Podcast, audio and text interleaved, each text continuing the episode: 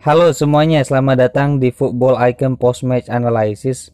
Di segmen kali ini, gue mau mengulas secara singkat beberapa pertandingan yang baru aja selesai di Liga Eropa. Di Bundesliga, Bayern Munchen menang tipis 2-1 melawan Wolfsburg Sementara di Bundesliga ada Barcelona yang juga menang tipis 2-1 melawan Real Sociedad. Di Inter Milan ada Juventus ditahan imbang melawan Atlanta satu sama. Begitu juga AC Milan dua sama melawan Genoa dan Inter Milan menang tipis 1-0. Habis itu di Premier League Liverpool menang 2-1 melawan Tottenham. Ada juga Everton yang berhasil mengalahkan Leicester dengan skor 2-0 dan Arsenal ditahan imbang oleh Southampton satu sama. Tapi khusus di segmen kali ini gue mungkin lebih ke post match reaction ini nggak terlalu banyak analisisnya.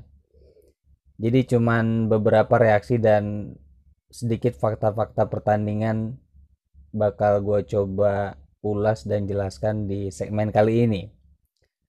Gue mulai dari Barcelona lawan Real Sociedad. Ada perubahan sistem yang dipakai oleh Ronald Koeman. Dari segi posisi juga ada beberapa yang dirubah dan itu membuahkan hasil meskipun pertandingan berlangsung alot. Nah, yang mungkin jadi sorotan di sini adalah Pedri dan peran Ter Stegen di gawang gitu. Jadi ini yang perlu diapresiasi sih dari pertandingan ini. Messi juga berkontribusi luar biasa tapi yang jadi sorotan tadi Pedri. Terus yang menjadi pertanyaan adalah eh, kenapa ya eh, pemain seperti Puig itu nggak dimainkan oleh Kuman. Nah itu yang mungkin jadi perdebatan sekarang gitu. Nah di formasi kali ini kalau gue lihat sih Messi jadi inverted winger ya. Sementara Pedri ada di sayap kiri. Dua gol dicetak oleh Alba dan Frankie de Jong meskipun awalnya sempat dianulir tapi karena bantuan asisten akhirnya disahkan habis itu gol dari Real Sociedad itu dilesakan oleh William Jos. Nah di sini sebenarnya tipis kedua tim punya beberapa chance cuman Barcelona bisa diselamatkan oleh penyelamatan dari Ter Stegen. Nah itu singkat aja sih kalau untuk Barcelona. Tapi dengan pertandingan ini mungkin bisa menaikkan mentalitas Barcelona yang sekarang lagi berjuang untuk bisa setidaknya mencapai top 4 gitu. Habis itu di seri A, ini mungkin pembahasan detailnya nanti gue bahas di sesi besok karena besok juga ada beberapa pertanyaan di Liga Inggris termasuk Manchester United.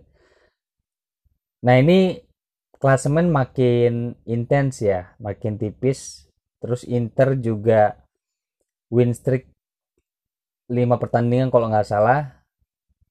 AC Milan dan Juventus ditahan imbang sehingga klasemen di Serie A sekarang makin ketat ya dan itu selanjutnya bakal jadi laga-laga yang krusial buat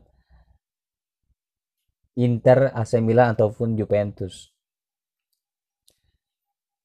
Nah di Liga Inggris ini ada pertandingan yang menurut gue cukup penting dan cukup krusial juga Liverpool versus Tottenham.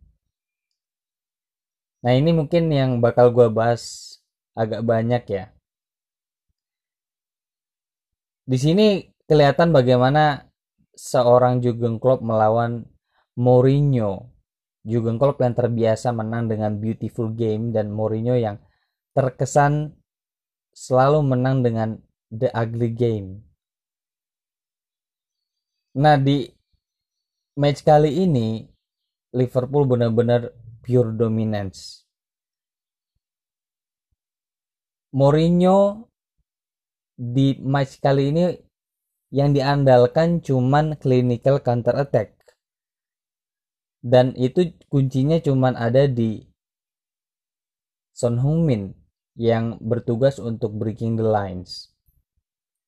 Nah kacaunya ketika babak pertama kalau nggak salah itu jadi catatan buat Mourinho karena pas completionnya termasuk yang terkecil setelah sebelumnya ketika Mourinho masih melatih Madrid berhadapan dengan Barcelona saat itu pas completionnya cuma sekitar 59 dan melawan Liverpool kali ini 75 tapi ketika melawan Barcelona dulu, Real Madrid menang 2-1. Nah sekarang berkat gol Firmino di menit-menit akhir akhirnya Mourinho dan Tottenham harus pulang dengan tangan kosong gitu. Nah ini yang buat gue salut adalah Jurgen Klopp. Bagaimana dia tetap berusaha bermain ofensif, high pressing, gegen pressing meskipun sedang dihantam badai cedera. Dan itu yang buat gue menarik adalah dari awal sampai akhir memang itu Liverpool yang dominans mulai dari possession sampai chance created itu udah di tangan Liverpool semua gitu. Tapi ada beberapa yang menurut gue di sini perlu diapresiasi, dari Mourinho adalah clinical counter attack-nya.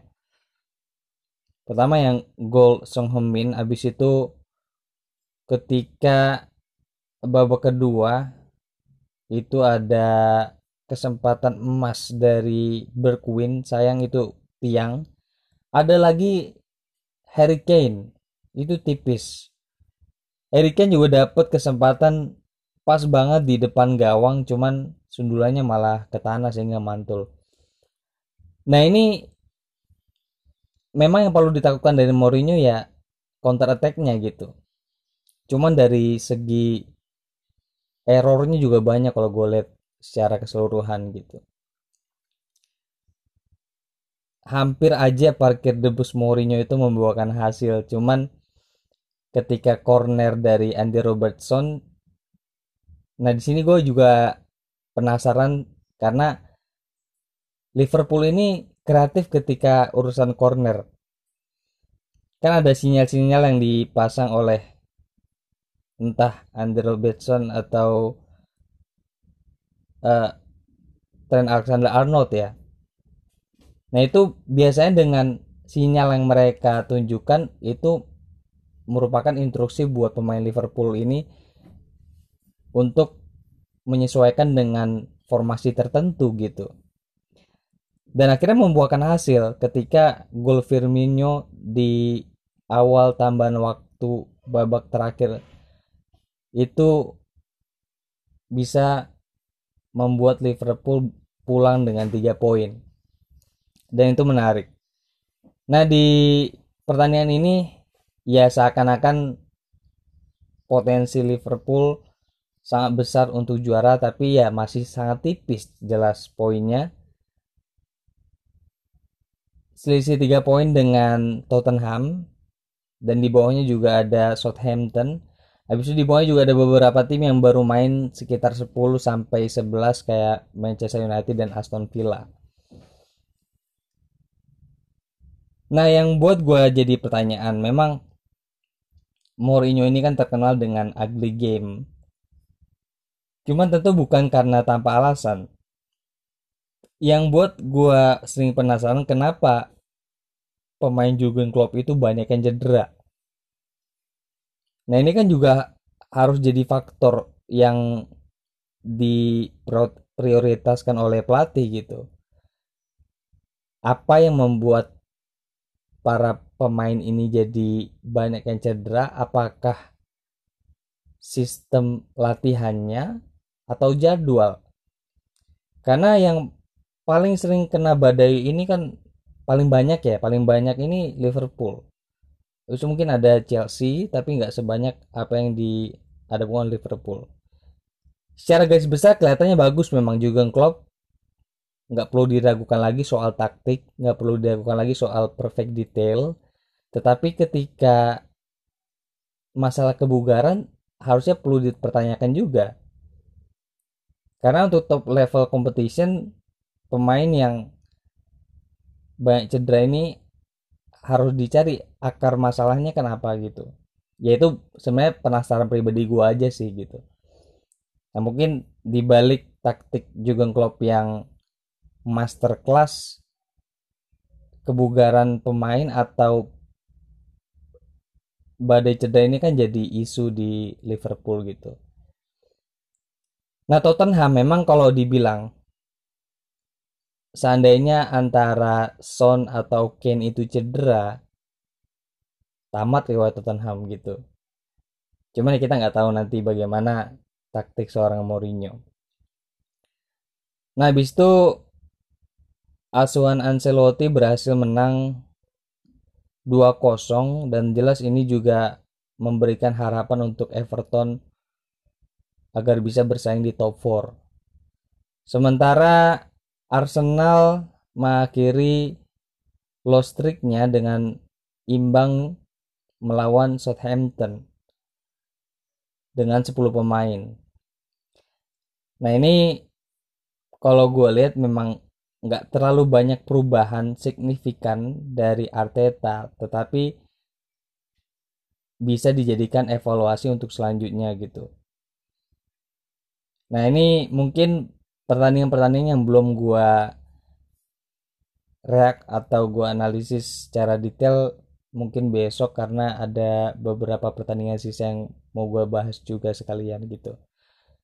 Mungkin sampai sampai sini aja Football Icon Post Match Analysis. Sampai ketemu di sesi selanjutnya. See you next time.